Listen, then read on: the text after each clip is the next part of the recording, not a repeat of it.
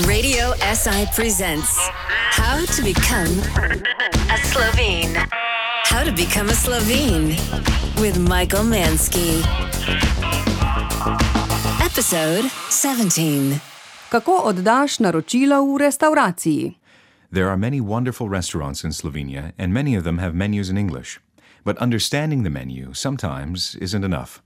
And if you're not ready, the problems will hit you before the meal even begins.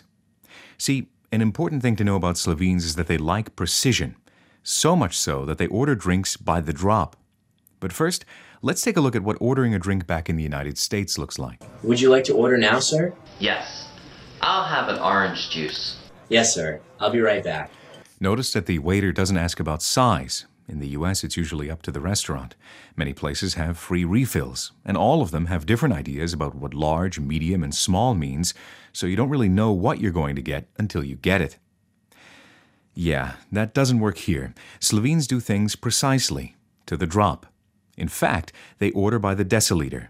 Not only that, they'll often specify a mixture of water and juice by the deciliter. For me, the first time ordering a simple glass of juice was a disaster. Dober dan, kaj vam lahko prinesem za spit? Ja, deci pomarančnega soka in deci vode, prosim. Ok, Uh, jaz bom dva deci jagodnega soka, pa deci vode. ok, in za vas, gospod? Uh, sok, prosim. Koliko? Dva deci? Uh, samo sok, prosim. Hvala. Ne, ne, ne, ne. No, Michael, you need to tell her how much you want.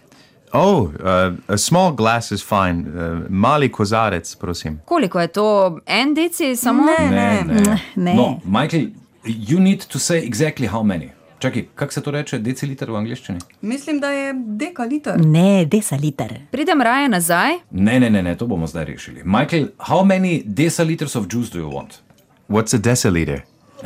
Točno. Američani nimajo metričnega sistema. Predamarja mečani. Kaj pa imajo? Kaj jaz vem, nekaj brezveznega. Nehaj, no, on razume slovensko. Pridem nazaj. Samo malo.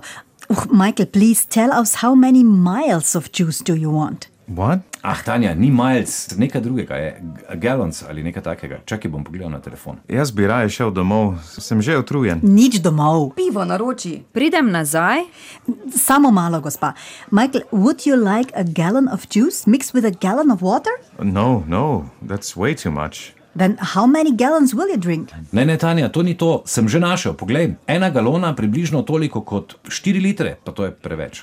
Michael, would you like one sixteenth of a gallon of juice? Pridem nazaj, ko se boste dogovorili. Zdaj smo. Mislim, da bo zdaj. Oh, glava me boli. Nekaj s pivo bo boljše.